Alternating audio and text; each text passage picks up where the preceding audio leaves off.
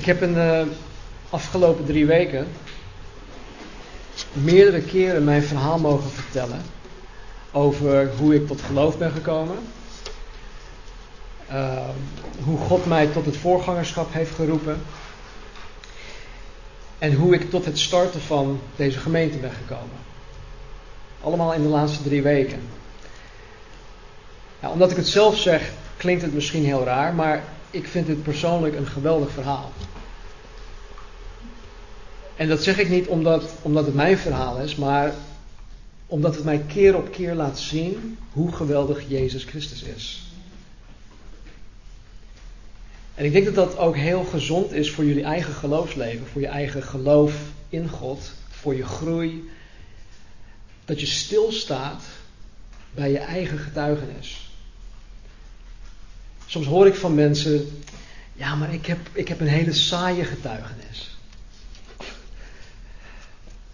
En oké, vergeleken met sommige mensen hè, die dan een, ja, ik, wil niet eens een mooie getuigenis noemen, maar die een andere getuigenis hebben. Hè, van uh, ja, ik was drugverslaafde geweest, of ik zat in de, de onderwereld en ik was uh, drug lord en uh, dit en dat. Ja, en ik ben één keer tot bekeer gekomen en nu ben ik evangelist. Kijk, dat zijn allemaal mooie verhalen, dat zijn allemaal mooie levensgetuigenissen.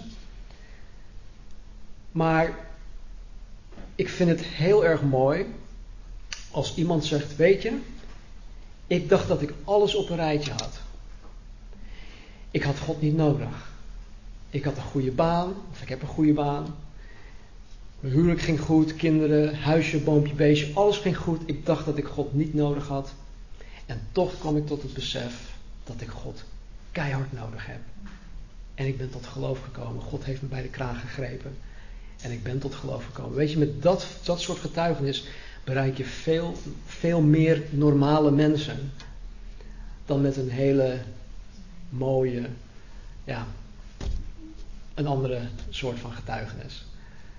want niet iedereen kan zich, kan zich plaatsen in iemand die verslaafd is geweest aan drugs of aan seksverslaving of die ehm, zijn vrouw heeft geslaan of die zijn man heeft geslaan of dat soort extreme dingen. Maar meeste mensen, de doorsnee mens, die kan zich wel plaatsen in iemand die denkt van hé hey joh, ik heb het alles wel voor elkaar. Dus hoe dan ook, wel wat voor getuigenis je ook hebt, sta erbij stil, denk erover na. Vraag aan God, Heer, laat me inzien hoe radicaal mijn leven is veranderd. Het is niet vanzelfsprekend dat je, dat je nu denkt hoe je nu denkt. Het is niet vanzelfsprekend dat je bijvoorbeeld een afkeer hebt gekregen aan bepaalde dingen. Dat is het werk van God door zijn woord, door zijn Heilige Geest. En Hij is ons aan het vormen en aan het veranderen. Nou, wanneer ik dus bij deze dingen stilsta, en dat heb ik ja, de afgelopen drie weken erg, erg bewust gedaan, dan word ik er zelf door bemoedigd. En wanneer ik terugkijk op wat God in de afgelopen 18 jaar met mij heeft gedaan, dan zie ik alleen maar dat God goed is en dat God trouw is. God, God is trouw, God is goed. Vaak, wanneer God mij tot iets specifieks geroepen had, dan had ik op het moment van die roeping geen flauw idee hoe dat eruit zou gaan zien. Ik wist wel, oké, God roept mij tot dit. Maar ja, hoe het vorm gaat krijgen, wat ik moet doen om dat te, te gaan bewerkstelligen. Misschien moet ik iets gaan doen om die roeping waar te laten maken. Maar dan heb je geen flauw idee. En ik heb geleerd, als je het niet weet, moet je niks doen. Dus als ik nu weet van God roept mij tot iets, maar als ik geen volgende stap heb gekregen of ik, het is mij niet duidelijk welke stap ik moet gaan zetten, dan doe ik gewoon niks. Dan blijf ik ervoor in gebed. Ik blijf zijn woord lezen. Ik blijf gewoon doen wat God van mij op dit moment verwacht en verlangt. En dan te zijn tijd zal God het mij ook aan openbaren. En God heeft het op zijn tijd altijd geopenbaard. Hij heeft het ook altijd tot vervulling gebracht. Alles wat hij met mij wilde doen, alles wat hij van mij vroeg, heeft hij op zijn tijd tot vervulling gebracht. Nou, dit geldt voor, voor grote dingen, zoals onze verhuizing naar Nederland. Dat is een grote stap geweest. En het geldt ook voor de dagelijkse dingen. Dingen zoals het gehoorzamen wanneer God je vraagt om iemand op te bellen. Je krijgt iemand op je hart, je weet niet precies waarom. Bel ze op. Of ga, ga, bij, ze, ga bij ze langs. Geef ze geld. Misschien hebben ze geld nodig. En het is heel raar. Kijk, als mens zijnde is het misschien ongebruikelijk om, om zomaar aan iemand 50 of 100 euro te geven. Maar als God dat op je hart legt, dan moet je het ook doen. En dan zul je achteraf zien waarom. En dan ben je niet alleen 50 of 100 euro kwijt, maar je krijgt een enorme zegen daarvoor terug. Dus of het nu in de grote dingen zijn of in de kleine, wanneer ik terugkijk op, op dit soort gebeurtenissen in mijn leven, dan zie ik dat God trouw is en dat Hij trouw blijft aan zijn woord. God doet wat Hij belooft. Punt uit, geen discussie. Hij volbrengt datgene waartoe Hij mij roept. Nou, ik kan dit met 100% zekerheid zeggen wanneer ik terugkijk op deze dingen. In, in, in Amerika zeggen ze um, hindsight, dus um, terugkijken op dingen, is 2020. dus ik weet niet hoe je dat hier in Nederlands eventueel zou kunnen vertalen. Maar 2020 vision is dat je dus heel goed kan zien. Je hebt geen min en je hebt geen plusafwijking. Dus het is, het is helemaal goed. Je hebt gewoon een helder zicht, ook een heldere blik. Je hebt geen bril nodig, geen lenzen. Dus hindsight is, is, is perfect. Want dan zie je alles zoals het, zoals het hoort te zijn. En ik kan dit dus met, in hindsight, als ik terugkijk, kan ik dit met 100% zeker zeggen, zekerheid zeggen. Maar de vraag is, hoe zeker ben ik van Gods leiding wanneer ik er middenin zit? God heeft mij geroepen. Misschien weet ik wel of niet wat de volgende stap is. Misschien heb ik reeds een aantal stappen gezet. Maar hoe weet ik zeker dat God mij daarin leidt en blijft leiden? Hoe zeker ben ik van Gods trouw? Wanneer het ernaar uitziet dat God zijn belofte misschien niet nakomt. Wanneer alles tegenzit. Wanneer dingen niet gaan zoals ik het had verwacht. En hoe kan ik diezelfde 100% zekerheid krijgen wanneer de situaties en omstandigheden waarin ik verkeer heel onzeker blijken te zijn? Nou, vanmorgen gaan wij hoofdstuk 125 behandelen, het hele hoofdstuk. Het zijn maar 25 naar 27 versen. Nou, het is in mijn mening niet een van de meest spannende hoofdstukken, maar het bewijst wel een heel erg belangrijk aspect van de roeping van God op, op, op, een, uh, op het leven van de mens.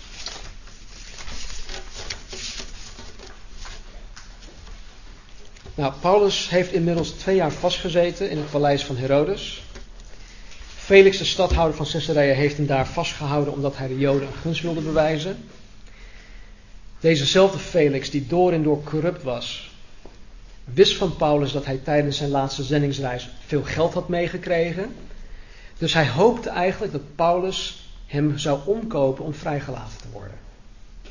Maar gelukkig gebeurde dat niet, wegens de integriteit van Paulus, die eigenlijk liever in het, als gevangene wilde blijven omwille van Jezus, dan dat hij op die manier vrij zou komen. Want hij wilde zijn, bovendien wilde hij zijn geweten ook niet schenden. Um, dat staat in het laatste stukje van vers, hoofdstuk 24. Even kijken hoor.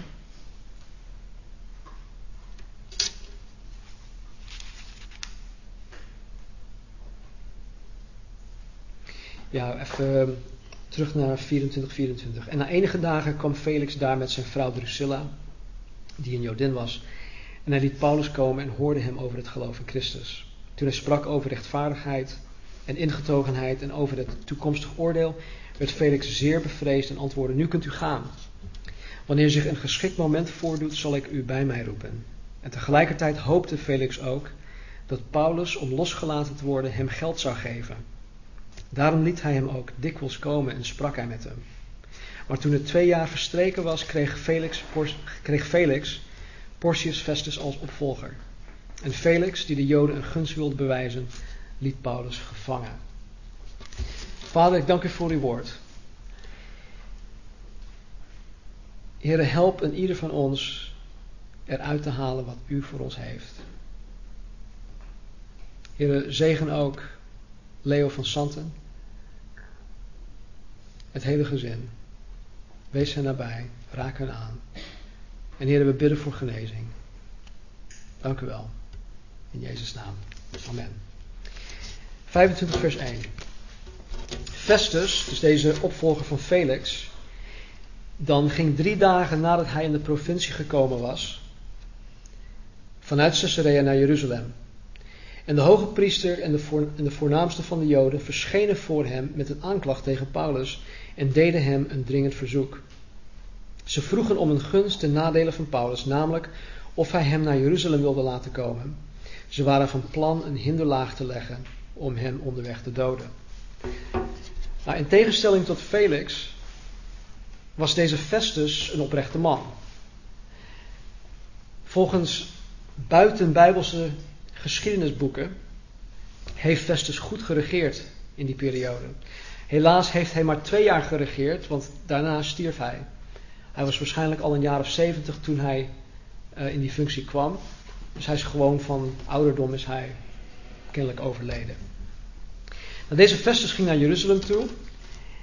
En zie het voor je, binnen no time stonden de hoge priester en die vooraanstaande Joden al voor Festus. They were like in his face. Met de, met, met de vraag van, uh, wil je ons helpen? Ze wilden een zogenaamde aanklacht tegen Paulus, uh, of ze hadden een aanklacht te, uh, tegen Paulus ingediend. Als je nog kan herinneren, twee jaar daarvoor waren er veertig fanatiekelingen die ook een hinderlaag wilden, wilden plaatsen voor Paulus, die hem ook wilden vermoorden. Nou, dat is hun niet gelukt. Paulus is dus in Caesarea beland en daar heeft hij dus twee jaar lang vastgezeten. Nou, als ik naar, naar mezelf kijk, dan zou ik bijna zeggen van joh, wat is er met deze mensen? Waarom zijn ze dit niet al, al lang niet vergeten? Het is twee jaar geleden dat dit gebeurde. Laat het nou gaan. Ga verder met je leven. Maar ja, ik geloof dat de Satan hierachter zit. En de Satan wordt door Jezus in Johannes 8:44 een mensenmoordenaar genoemd. En Satan, zoals jullie weten, weet niet van ophouden. Hij volhardt en hij blijft volharden in het verwoesten van Gods schepping. Dus ook deze Joden die wilden per se Paulus dood hebben. Vers 4. Maar Festus antwoordde dat Paulus in Caesarea vast werd gehouden en dat hij daar zelf spoedig naartoe zou reizen. Hij zei: Laten zij die onder u, die bevoegd zijn, dan meereizen. En als er iets verkeerd is aan, in deze man, laten zij hem beschuldigen. En nadat hij niet meer dan tien dagen bij hen doorgebracht had, vertrok hij naar Caesarea. En de volgende dag, toen hij op de rechterstoel zat, gaf hij bevel Paulus voor te leiden. En toen Paulus daar gekomen was, gingen de Joden die uit Jeruzalem gekomen waren om hem heen staan en brachten vele en zware beschuldigingen tegen hem, tegen hem in, die zij niet konden bewijzen. Hij verdedigde, hij verdedigde zich en zei: Ik heb niets tegen de wet van de Joden en niets tegen de tempel en ook niets tegen de keizer misdaan. Tot zover.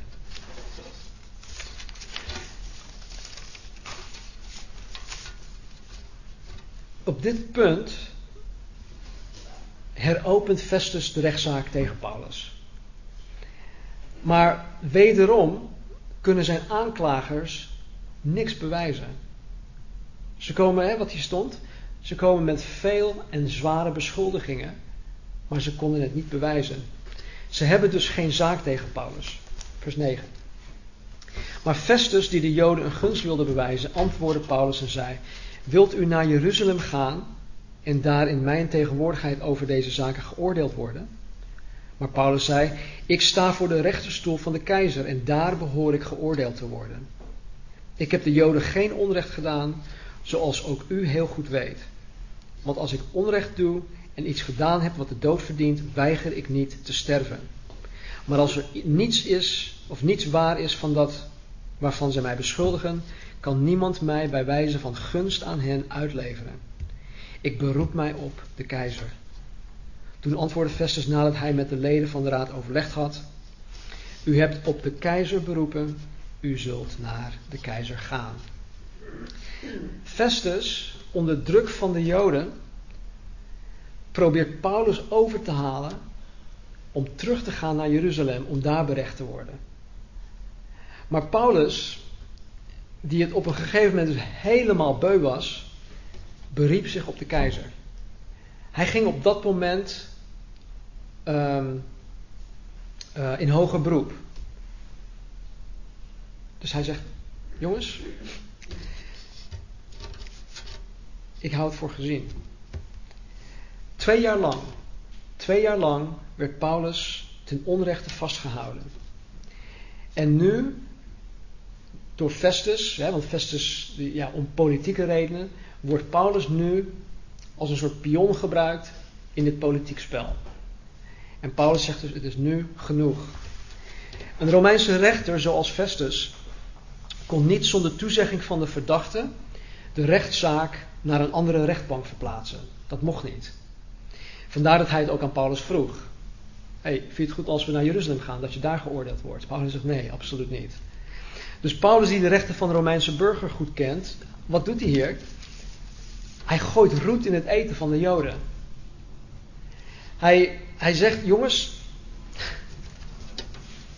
ik heb het nu echt helemaal gehad met jullie. Bekijken jullie het maar. Ik neem, de recht, ik neem deze rechtszaak uit jullie handen en ik ga naar de keizer toe. Hij zal mij beoordelen, niet jullie.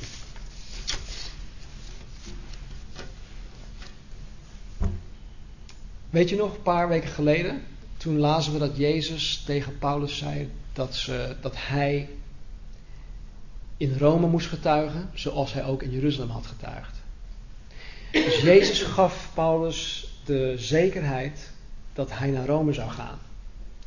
En met die zekerheid wist Paulus op dit moment eigenlijk al, hij had er heel, lang, veel, heel veel tijd om over na te denken, maar hij wist dus al dat hij sowieso niet terug naar Jeruzalem zou moeten gaan. Hij was vanaf dit moment op weg naar Rome toe. Dus hij ging daar sowieso niet op in. Paulus wist ook dat hij, ja, dat hij in Jeruzalem geen eerlijk proces zou krijgen. Hè, maar, maar dat de Joden hem alleen maar wilden doden.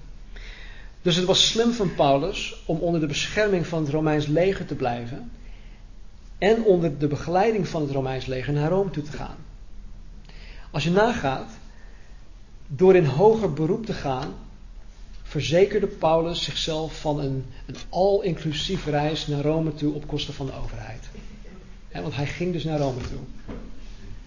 Dus hij heeft het echt, echt slim aangepakt. Vers 13. En toen er enkele dagen voorbij gegaan waren, kwamen koning Agrippa en Bernice naar Caesarea om Festus te begroeten. En toen ze daar verscheidene dagen doorbrachten, vertelde Festus de koning de zaken met betrekking tot Paulus en zei: Er is hier een man die door Felix als gevangene is achtergelaten, om wie, toen ik in Jeruzalem was, de overpriesters en de oudsten van de Joden voor mij verschenen om zijn veroordeling te vragen. Ik antwoordde hun dat de Romeinen niet de gewoonte hebben bij wijze van gunst een mens tot de dood over te leveren, voordat de beschuldigde tegenover de beschuldigers heeft gestaan en gelegenheid gekregen heeft om zich te verdedigen tegen de beschuldiging. Toen zij dan gezamenlijk hier gekomen waren, gunde ik mijzelf geen uitstel, maar ik nam de dag daarna op de rechterstoel plaats en gaf bevel de man voor te leiden. De beschuldigers brachten echter, toen ze hier stonden, tegen hem niet de aanklacht naar voren over de dingen die ik verwachtte. Maar zij hadden met hem enkele geschilpunten met betrekking tot hun eigen godsdienst en over een zekere Jezus die gestorven was, maar van wie Paulus beweerde dat hij leeft. En omdat ik in twijfel was over wat ik met hem, met het onderzoek van deze zaak aan moest, vroeg ik of hij naar Jeruzalem wilde gaan, om daar over die dingen geoordeeld te worden. En nadat Paulus zich beroepen had op zijn recht om in hechtenis te blijven totdat de keizer van zijn zaak kennis zou kunnen nemen, gaf ik de opdracht hem vast te houden tot het tijdstip dat ik hem naar de keizer zou sturen. En Agrippa zei tegen Festus: Ik zou die man ook zelf willen horen. En Festus zei: Morgen zult u hem horen. Nou, Festus, de nieuwe stadhouder, had kennelijk geen ervaring met de Joden, met hun godsdienst. waardoor deze aanklacht tegen Paulus hem ja, een beetje vreemd was. Het was niet duidelijk in ieder geval. Er was sowieso geen bewijsmateriaal tegen Paulus, dus Festus wist niet op, op dit moment wat hij ermee moest. Hij, vond hem niet, hij bevond hem niet schuldig, dus wat moet ik hier nou mee? Nou, deze koning Agrippa, die dus bij Festus op bezoek kwam, samen met zijn vrouw, of met zijn, ja, het was niet zijn vrouw, maar het was zijn, uh, zijn minnares, zijn lover, Bernice.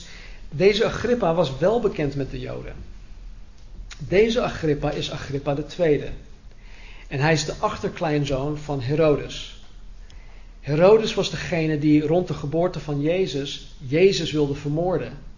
En wat deed hij? Hij liet elk, jongen, elk jongetje in Bethlehem, twee jaar oud en jonger, afslachten. Dat is zijn, zijn achtergrootopa. Hoe zeg je? Overgrootopa? Oké, okay, overgrootopa. Nou, de grootoom van deze Agrippa had Johannes de Doper laten onthoofden. En zijn vader, dus Agrippa de Eerste, heeft Jacobus de broer van Johannes laten onthoofden. Hij heeft Petrus ook in de gevangenis geplaatst om ook hem te vermoorden. Maar Petrus is die avond door een engel vrijgelaten, waardoor hij ja, dus niet vermoord werd. Agrippa's zus was Drusilla, de vrouw van Felix. En Bernice was ook zijn zus. Ze denken dat het, dat het zijn halfzus was. Dus hij had een incestueuze relatie met zijn zus. Bernice was ook een beeldschone vrouw. En hij had dus een relatie met, met, zijn, met zijn zus.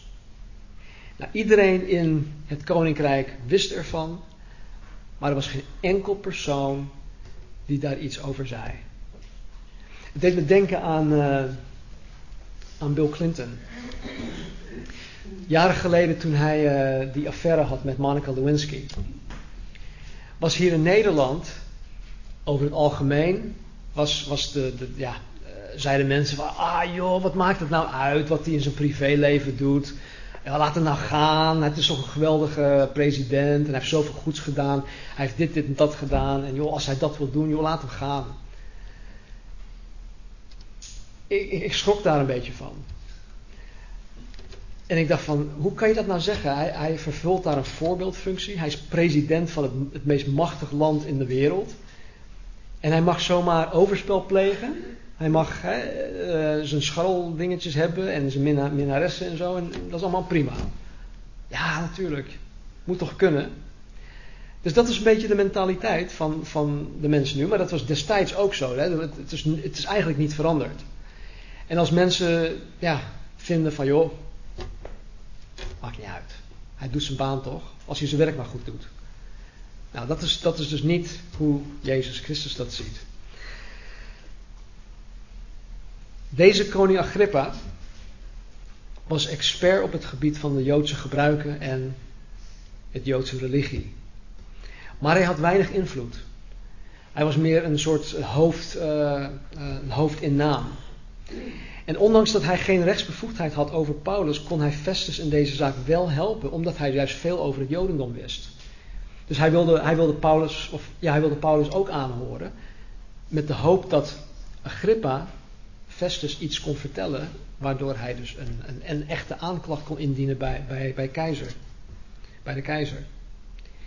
Dus deze verschijning van Paulus voor Agrippa was, was eigenlijk meer een verhoor, het was niet een echte rechtszitting. Vers 23. De volgende dag dus, toen Agrippa en Bernice met grote pracht gekomen waren en het rechthuis binnengegaan waren, samen met de oversten en de mannen die de voornaamsten van de stad waren, werd Paulus op bevel van Festus voorgeleid. En Festus zei: Koning Agrippa en alle mannen die met ons aanwezig zijn, hier ziet u hem om wie heel de Joodse menigte zich tot mij gewend heeft, zowel in Jeruzalem als hier, en heeft geroepen dat hij niet langer behoort te leven. Maar ik heb begrepen dat hij niets gedaan heeft wat de dood verdient. En omdat hij zich op de keizer beroepen heeft, heb ik besloten hem naar de keizer te sturen. Ik kan mijn Heer niets met zekerheid over hem schrijven. Daarom heb ik hem aan u allen voorgeleid en vooral aan u, koning Agrippa, opdat ik na gedaan onderzoek iets te schrijven heb. Want het lijkt mij ongerijmd een gevangene te sturen zonder de beschuldigingen tegen hem te kennen te geven. Nou, dit is een gigantische happening. Koning Agrippa met Benize, die komen dan in, Caesarea toe. Ze hebben daar een soort uh, amphitheater. En iedereen die, die maar iemand is in de stad, die is daar gekomen.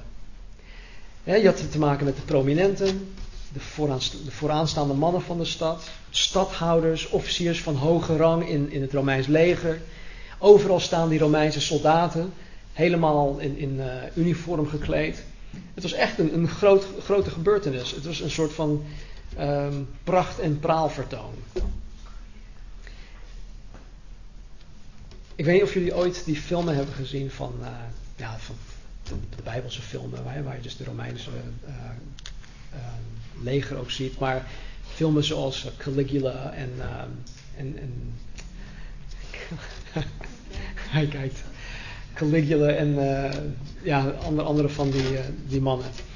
Nou, dat, zijn, dat zijn op zich ja, best wel foute filmen, maar um, het geeft wel een, je, je, krijgt wel een idee van hoe, hoe, het, er toen, hoe het toen was. Met alle pomp en hoe zeg je dat? Um, pomp, is dat pompeus of zoiets? Is dat een woord? Ja, oké. Um, nou, ik, ik, denk dat het ontzettend riekte naar zelfingenomenheid. Hè, van kijk naar mij. En iedereen wilde daar gezien, gezien worden. En doet me denken aan de hedendaagse filmfestivals, bijvoorbeeld in, uh, in, in, Frankrijk of in, in de States. iedereen die, die, loopt, die loopt dan op de rode loper en ja, al die mensen, oh kijk mij. In mijn nieuwe Armani of mijn nieuwe dit en nieuwe dat. Ze willen allemaal gezien worden. Toen, het was toen dus ook zo.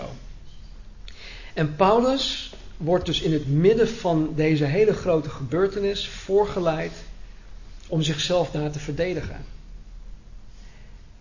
De historici bevestigen dat Paulus een kort mannetje was, met O-benen, een haakneus, weinig haar en vieze druipogen. Ik denk dat als Paulus hier de zaal binnenkwam, dan zouden er mensen zijn die zeggen van joh, wat doe jij hier? Dus het was geen aangenaam man om, om, om, om te zien. Hij was sowieso uh, waarschijnlijk ja, niet schoon omdat hij als gevangene daar zat. Maar het, het contrast hè, tussen al, al, al het pracht en praal en dan komt Paulus, zijn handen vastgeketend, zijn benen ook vastgeketend, wordt voorgeleid als gevangene in die omstandigheden. Hij staat daar dus als afgevaardigde van het koninkrijk van God. En hij staat daar als het ware terecht voor al deze goddeloze mensen. Maar wie staat hier eigenlijk terecht?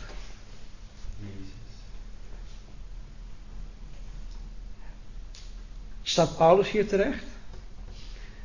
Nou, ik denk niet. Ik denk dat het eerder Festus is, Agrippa, Bernice en alle mensen die daar aanwezig waren. Want volgende week zullen we zien wat Paulus tegen hen zegt.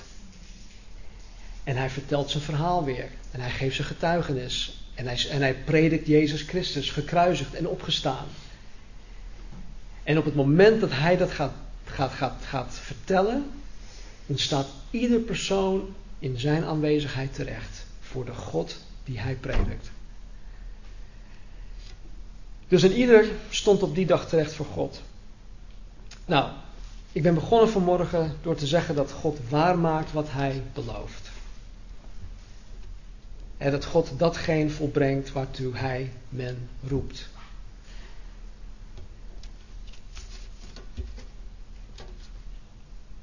In Lucas 21, 12 vertelt Jezus over zijn wederkomst. Hij vertelt over de tekenen die zijn wederkomst voorafgaan.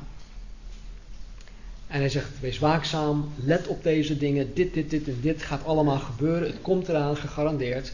Maar dan zegt hij in vers 12: Maar voor dit alles, dus voor al deze gebeurtenissen, zullen ze de handen aan u slaan. Hij spreekt hier dus tot zijn discipelen. En ze zullen u vervolgen door u over te leveren in de synagogen en gevangenissen. En u zult voor koningen en stadhouders geleid worden omwille van mijn naam. Jezus um, predict, wat is dat? Um, hij voorspelt dat al. Hij gaf het hun al aan, zelfs voordat hij gekruisigd was, voordat hij opgestaan was. Hij zei: Dit gaat jullie overkomen. Dus hij had hun gewaarschuwd. En dit is ook bij een ieder van hen gebeurd. Er was geen enkele uitzondering. Elke apostel is gemarteld of is als martelaar tot zijn dood gekomen. Nou, in Handelingen 9, bij de roeping van Paulus, zei Jezus dat hij Paulus geroepen heeft om de naam van Jezus te brengen naar de heidenen, naar koningen en naar de Israëlieten. Nou, we hebben gedurende onze studie in Handelingen gezien dat Paulus inderdaad het evangelie onder de heidenen heeft gebracht. Hij maakte drie zendingsreizen, allemaal ver buiten Judea, het Joods gebied. Ook hebben we gezien dat Paulus het evangelie aan de uh, Israëlieten heeft verkondigd. Hij ging uit gewoonte altijd eerst naar de synagoge toe, bracht daar het evangelie, vervolgens ging hij naar de mensen buiten de synagoge toe om het evangelie te brengen.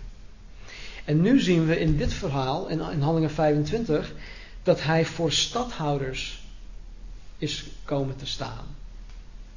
Voor Felix, twee jaar lang. Nu voor Festus en nu voor koning Agrippa. En hij staat nu voor deze mensen om zijn getuigenis te mogen geven. Nou, de reden waarom ik dit aanhaal, is om aan te geven dat waar, waartoe God de mens roept, God bij machten is om het te volbrengen. Paulus is, is, is een van de, de, ja, de, de, de, de mooiste voorbeelden hiervan in het Nieuw Testament. We hebben veel in handelingen gelezen over hoe Paulus geleden heeft hè, en, en hoe, hij, uh, hoe moeilijk hij het had um, tijdens zijn zendingsreizen. In 2 Korinthe hoofdstuk 11 vertelt hij daar iets over. Hij zegt, ik heb veel vaker in de gevangenis gezeten. Ik ben ettelijke keren afgeranseld. Ik heb meermalen oog in oog met de dood gestaan. Ik heb van de Joden vijf keer de beruchte 40 min 1 zweepslagen gehad. Ik ben drie keer met stokken geslagen. Ik ben één keer gestenigd. Ik heb drie keer schipbreuk geleden. Ik heb eens een nacht en een dag in de open zee rondgedobberd. Ik heb veel gereisd waarbij ik vaak gevaar liep door overstromingen, rovers, aanvallen van mijn eigen volk en van anderen. Altijd dreigde er gevaar. Rellen in de steden, dood in de woestijn, verdrinking op zee, verraad door valse christenen. Ik heb gezwoegd en geploeterd, nachten niet geslapen, honger en dorst geleden, vaak niet gegeten en kou geleden, omdat ik geen kleren had om aan te trekken. Ik weet zonder twijfel dat Paulus op bepaalde momenten, toen hij zich in deze situaties bevond, zich niet zeker voelde. Niet zeker van waar hij mee bezig was, niet zeker van zijn roeping. Is dit wel Gods bedoeling? Ik ben uiteindelijk de apostel Paulus. Moet het nou allemaal zo? Misschien was hij onzeker over de wil van God? Was hij op dit moment wel in Gods wil? Nou, ik weet dat hij deze onzekerheid had, want Jezus zelf is tot meerdere malen toe aan hem verschenen om hem te bemoedigen. En Jezus komt niet zomaar, tenzij je het echt nodig hebt.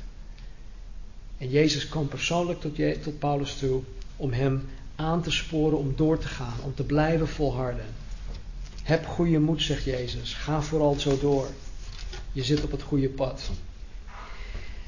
Maar ondanks dat hij deze gevoelens van onzekerheid had, schreef hij in deze periode wel de meest prachtige brieven in het Nieuw Testament. In Romeinen 11, vers 29 schrijft hij dit. Hij zegt: De genade die God schenkt, neemt God nooit terug. De genade die hij schenkt, neemt hij nooit terug. Wanneer hij iemand roept, maakt hij dat niet ongedaan. De roeping van God is onherroepelijk. Ondanks dat Paulus zich misschien onzeker voelde, bleef hij staan op diegene waarin hij geloofde. Hij bleef staan op datgene waarin hij geloofde. In, Thessal, in 1 Thessalonicense 5 vers 24, ook rond dezelfde tijd geschreven, zegt hij, Hij God die u roept is getrouw. Hij zal het ook doen. Nogmaals, de zekerheid van Paulus zit in diegene waarin hij gelooft. Hij die u roept is getrouw.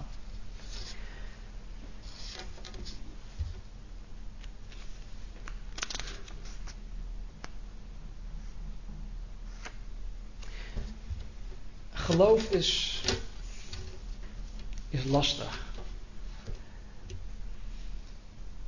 Aan de ene kant vind ik de resultaten die een geloofsleven biedt echt het, meest uh,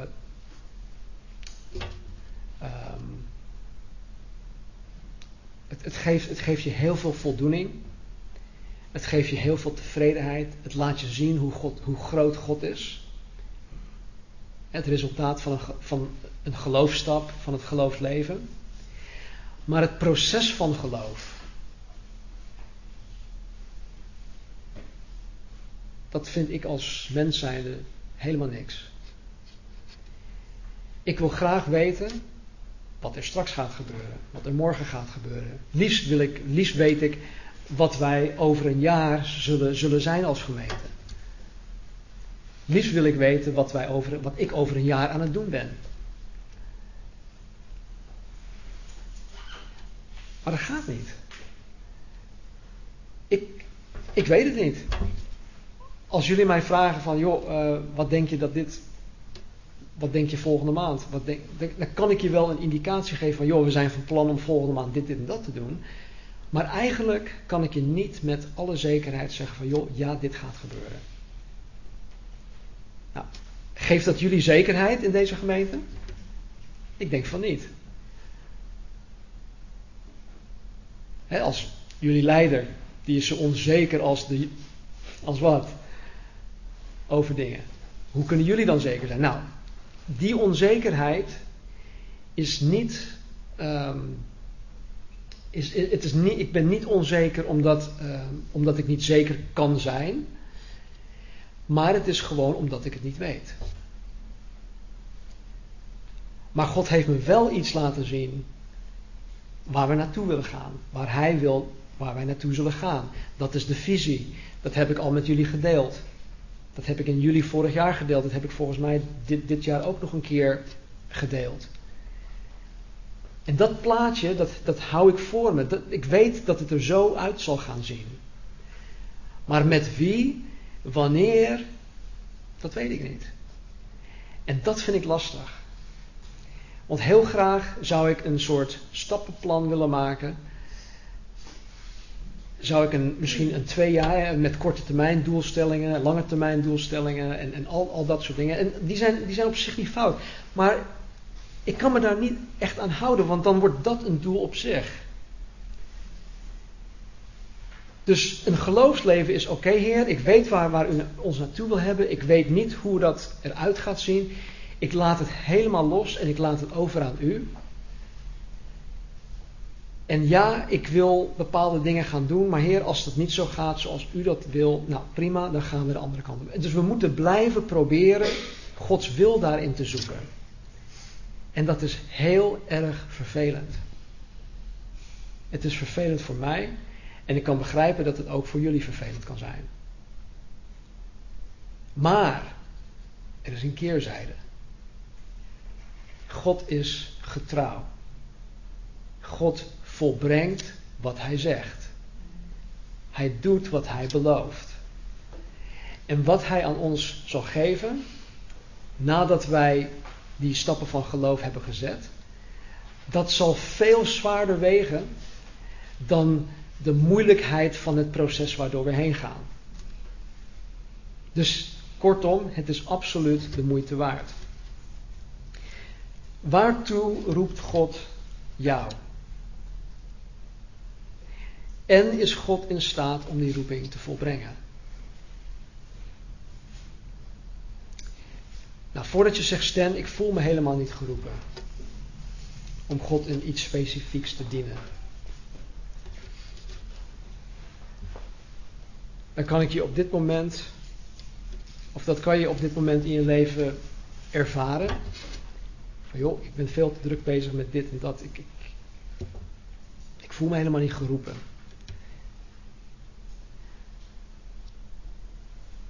Maar ik wil je vandaag zeggen dat God je wel heeft geroepen. God heeft je geroepen. God heeft je ten eerste geroepen om in Hem te geloven. Hij heeft in ieder van ons geroepen om in Hem te geloven, waardoor we vergeving van zonde zullen ontvangen, waardoor we het eeuwig leven zullen beërven, waardoor we Gods oordeel zullen ontkomen.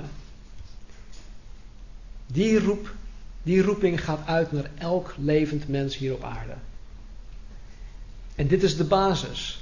Als je dit niet hebt, dan ben je geen wedergeboren christen en dan kom je ook geen enkele stap verder. Want God heeft wel een stappenplan. Eerst zet je stap A, dan zet je stap B. Na B zet je stap C. Dus wij zijn allemaal geroepen om in Hem te geloven.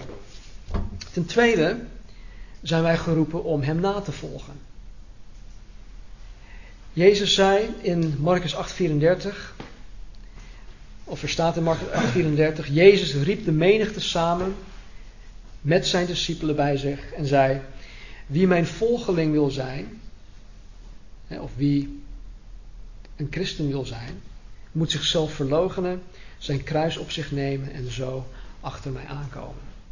Zo mij volgen. Dus wij zijn geroepen om Hem na te volgen. En jezelf verloochenen, je kruis opnemen, dat is, dat is ook geen makkie. Want je vlees, die, die, die, die, die worstelt daarmee. Die schopt daartegen. Ten derde heeft God ons allen geroepen om Hem in alle dingen trouw te zijn en trouw te blijven. Paulus zegt in 1 Korinthe 4, 1 en 2. Men moet ons beschouwen als dienaren van Christus, aan wie het beheer over de geheimen van God is toevertrouwd. Men moet ons beschouwen als dienaren van Christus, aan wie het beheer over de geheimen van God is toevertrouwd. Van iemand die deze taak vervult, wordt verlangd dat hij betrouwbaar is. Ik, ik, weet niet hoe het hier in Nederland ehm, gaat op de basisschool, maar in de States was het zo dat uh, als je in de groep 5 of 6 was, toen hadden we nog te maken met uh, filmprojectoren. Het, tegenwoordig is het video of beamer of dat soort dingen. Maar vroeger hadden we een audiovisuele kamer. En daar had, had elke leraar of leerkracht een, sleutel van. En dan gingen we films draaien. Dan gingen de gordijnen dicht. En toen kwamen we met zo'n kar, nou ongeveer zo groot, met een grote projector. En van die metalen uh, dingen waar die, die filmen in zaten. En dan ging, je dus, um, ging, ging iemand naar die AV-kamer toe om, om dat ding op te halen en dan op te zetten. Nou, ik mocht dat dan doen in een bepaalde klas van, van die leraar. Nou, ik, ik was echt de man. Ik kreeg de sleutel van hem. Ik mocht dus op eigen, eh, in mijn eigen mocht ik dus naar een andere, naar de andere kant van de school toe gaan, dat ding ophalen en dan kwam ik daar binnen, heel trots van ik ben de man, ik mag dit doen. Het was aan mij toevertrouwd. De sleutel en de taak. Luister wat Paulus hier zegt. Men moet ons beschouwen als dienaren van Christus, aan wie het beheer over geheimen van God is toevertrouwd. God zit vol geheimen. De Bijbel zit ook vol met geheimenissen. En God vertrouwt deze geheimenissen niet zomaar toe aan iedereen. Van iemand die deze taak vervult, wordt verlangd dat hij betrouwbaar is. Betrouwbaarheid is ook iets dat, ja, dat, dat, dat wordt opgebouwd. Hè? Dat, um, je moet jezelf bewijzen. De Bijbel leert ons ook, als je trouw bent in de kleine dingen, zal je meer worden gegeven. En dat geldt voor alles. Als je, als je laconiek bent en onverschillig in, op, op één gebied van je leven, dan, dan, kan ik bijna, dan durf ik bijna te zeggen dat je laconiek en onverschillig bent in alle andere gebieden van je leven. En dan gaat dat ook door, dat, hè, dat, dat, dat werkt ook weer door naar het gemeenteleven toe. Ah joh. Er zijn genoeg mensen die dat doen. Daar hebben ze mij niet voor nodig. Of, uh, ja, of ik nu om uh, 1 voor 10 binnenkom of kwart voor 10, maakt niet uit. Dus uh, als je met die gedachte het leven, of, of dus op die manier in het leven staat, dan zullen er weinig mensen zijn die jou iets toevertrouwen. En het is ook met God zo. Als ik mezelf niet betrouwbaar toon aan God, dan zal God mij ook niet meer gaan toevertrouwen met meer dingen. Dus het is van iemand die deze taak vervult, beheerser of beheerder over de geheimen van God, er wordt verlangd van God dat hij betrouwbaar is. Dus we zijn ook allemaal geroepen om trouw te zijn en blijven in de dingen die God ons toevertrouwt. En als laatste roept God jou tot een specifieke bediening. Maar dit komt pas wanneer je jezelf hebt bewezen in de eerste drie roepingen van God. Als je voldoet aan de eerste roeping om in Hem te gaan geloven, als je je daarin echt verdiept, als je weet, door en door weet, en als je het aan andere mensen kan doorvertellen wat Jezus Christus voor je gedaan heeft, wat Hij voor je betekent. Als je kan doorvertellen met overtuiging aan anderen van joh, ik, ik ben een navolger van Jezus Christus en dit is waarom. Hij heeft mij ook dingen toevertrouwd. Ik, ik, ik ben betrouwbaar gebleken. Want hij geeft mij zoveel dingen om mij, om, hij heeft mij dingen toevertrouwd. Als je in die drie dingen geslaagd bent, of als je je daarin, uh, als je daarin betrouwbaar bent bevonden, dan pas zegt God: Kom, kom dichter bij me. Ik wil iets in je oor fluisteren. En dan komt de roeping tot een hele specifieke bediening. Totdat je zo ver bent gekomen, zal je altijd in het donker tasten. En dan zal je ook nooit echt te weten komen wat God van je verlangt, wat God van je vraagt. Veelal denken mensen dat, nou oké, ik ben tot geloof gekomen en uh, goed, uh, nou, ik wil meer en ik wil naar de volgende stap. En weet je wat, wat ook heel funest is? Is dat in sommige kringen iemand is, is pas tot geloof gekomen en dan krijgen ze een, een riddel van profetieën over zich heen. Van jij gaat dit doen, jij gaat dat doen, jij, jij krijgt dit, dit en dat. En wat doet die persoon? Die persoon die gaat zich alleen maar daarop richten. Terwijl Jezus zegt nee, je moet eerst in, dat, in het fundament moet je gaan groeien. Je moet eerst weten wie jij bent in Christus. Wat je gelooft, waarin je gelooft, waarom je daarin gelooft. Kan je dat, kan je dat vertellen? Kan jij daar andere mensen enthousiast over maken? Maar als mens zijn, dan willen we juist, ja, we willen de, de kantjes ervan aflopen. We willen stap 1, 2 en 3, willen we het liefst uh, opzij schuiven. Oké, ik wil mijn bediening. Wat kan ik voor de Heer doen? En het gaat zo niet. Het gaat echt niet. Zo werkt het niet. De roeping, de specifieke roeping, komt pas wanneer je jezelf hebt bewezen in de eerste drie roepingen van God. Nou, dit is een hele studie op zich. Ik heb het een keer uh, op uh, de 18 plus uh, kamp gedaan. Met Meerkerk. En daar hebben we volgens mij vier of, vier of vijf studies over gehad. Dus daar ga ik vandaag niet verder op in. Wat ik wel duidelijk wil maken is dat waar God ons toe roept, tot geloof, tot het navolgen en tot het trouw zijn in alle dingen. In al deze dingen is God bij machten om ons in staat te stellen om dit ten volle tot uiting te laten komen in ons leven. Absoluut. Ik heb vrienden die zeggen van joh, ik, ik heb het geprobeerd om christen te zijn. Ik vind het veel te moeilijk. Mijn antwoord daarop is: het is niet veel te moeilijk. Het is gewoon onmogelijk. Punt uit. Maar God, God is bij machten om het onmogelijke te doen.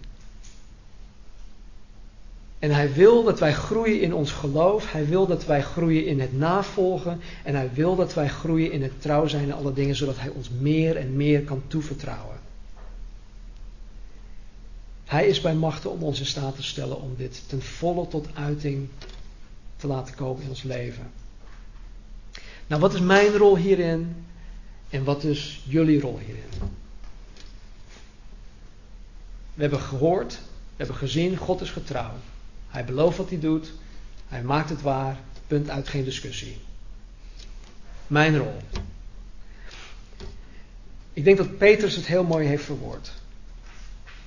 In 2 Petrus hoofdstuk 1, vers 1 tot 11. Ik zal het voorlezen. Dit is uit de nieuwe Bijbelvertaling. Van Simeon Petrus, dienaar en apostel van Jezus Christus. Aan allen die dankzij de rechtvaardigheid van onze God en redder Jezus Christus hetzelfde kostbare geloof hebben ontvangen als wij. Genade zij u en vrede in overvloed door de kennis van de God of van God en van Jezus onze Heer.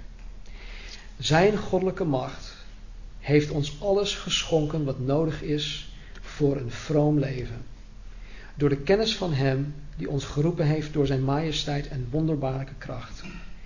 Hiermee zijn ons kostbare, rijke beloften gedaan, opdat u zou ontkomen aan het verderf dat de wereld beheerst als gevolg van de begeerte, en opdat u deel zou krijgen aan de goddelijke natuur.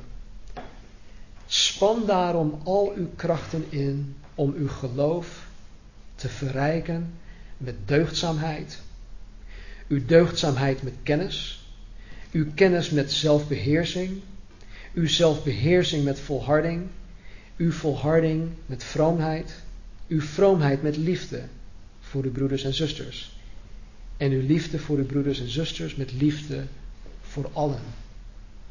Als u deze eigenschappen in overvloed bezit, is uw kennis van onze Heer Jezus Christus niet nutteloos, maar vruchtbaar.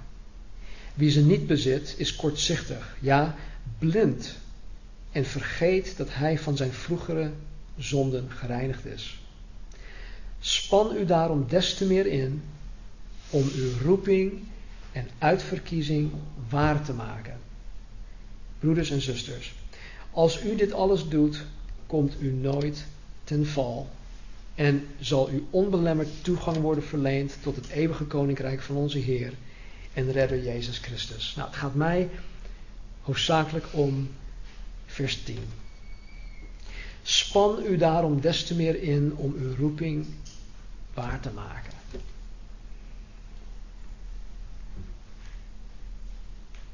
Ik zei net dat mensen zich op die roeping gaan richten en dat dat niet goed was. Nu zeg ik, span u daarom des te meer in. Petrus spreekt hier tot volwassen christenen. Die zich hebben bewezen in het geloof, in het navolgen, in het zelfverloochenen, in het kruis op zich nemen, in het trouw zijn en trouw blijven in alle dingen. Hij heeft zich dat, hij spreekt tot dit soort mensen. En dan zegt hij: span u daarom des te meer in om uw roeping en uitverkiezing waar te maken. Dus er is iets dat wij kunnen doen om die roeping waar te maken. Hij heeft het net genoemd. Verrijk je geloof met deugdzaamheid, met kennis, met zelfbeheersing, volharding, vroomheid, liefde voor de broeders en zusters, liefde voor allen. Dus er zijn dingen waaraan wij kunnen werken, er zijn dingen die wij voor Gods troon kunnen leggen. Er zijn dingen die ons beter in staat kunnen stellen om die roeping van God waar te kunnen maken in ons leven. God roept. Zijn roeping is onherroepelijk.